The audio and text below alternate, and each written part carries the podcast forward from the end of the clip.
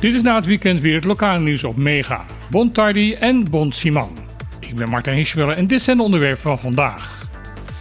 De spanningen tussen de landen Venezuela en Guyana blijven de buurlanden bezighouden. De Venezolaanse president Nicolas Maduro kondigde vorige week aan dat zijn land had besloten om twee derde van het oppervlak van buurland Guyana in te lijven. Een gebied dat rijk is aan goud en olievondsten. De regering Guyana heeft daarop aangekondigd dat de grenzen van het land ten koste van alles verdedigd zullen gaan worden. Ook internationaal wordt dit conflict zeer serieus genomen. Groot-Brittannië heeft de voormalige kolonie alle steun toegezegd. De Verenigde Staten heeft Maduro opgeroepen om de soevereiniteit van Guyana te respecteren. En buurland Brazilië heeft troepen naar de gemeenschappelijke grens gestuurd. De presidenten van Guyana en Venezuela hebben zich ondertussen bereid verklaard om met elkaar in gesprek te gaan. Als het aan het bestuurscollege ligt, zullen er volgend jaar bij het Sinterklaasfeest geen zwarte pieten meer te zien zijn.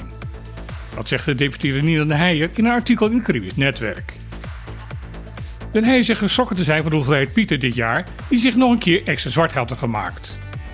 Bij haar vorige termijn als gedeputeerde dacht zij afspraken gemaakt te hebben dat dit niet meer zou gebeuren. Doordat dit jaar de organisatie van het Sinterklaasfeest voor het eerst werd uitgevoerd door een nieuwe organisatie, is er kennelijk een miscommunicatie over ontstaan. Den Heijer zegt dat ze ervan op de hoogte is dat veel mensen op Bonaire geen probleem hebben met het fenomeen van Zwarte Piet. Ook de jongeren die de Pieten spelen hebben er over het algemeen geen moeite mee. Aan de andere kant merkt de gedeputeerde dat ook dit jaar er veel protest over is.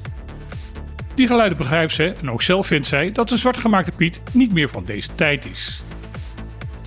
Als het aan het bestuurscollege ligt, zullen er daarom volgend jaar alleen nog maar kleurpieten te zien zijn bij de intocht van de Goedheiligman. Zaterdag was het weer een keer zover. Tuurvlucht OR 395 kwam niet op de geplande tijd op Bonaire Airport aan. Sterker nog, er landde die dag helemaal geen TUI-toestel op Flamingo Airport. Wegens technisch mankement kon de Dreamliner niet op tijd van Schiphol vertrekken. De problemen werden pas ontdekt toen het toestel al op weg was naar de startbaan. Men moest terugkeren naar de gate waar 5 uur werd gewerkt om de problemen op te lossen. Daarna kon men rond 6 uur in de avond, Nederlandse tijd, alsnog vertrekken. Toen uiteindelijk de toestel met grote vertraging op Curaçao landde, kwam er voor de passagiers met Bonaire als bestemming nog een domper. Zij moest op Curaçao de nacht doorbrengen, omdat de crew van het toestel de maximale werktijd had overschreden.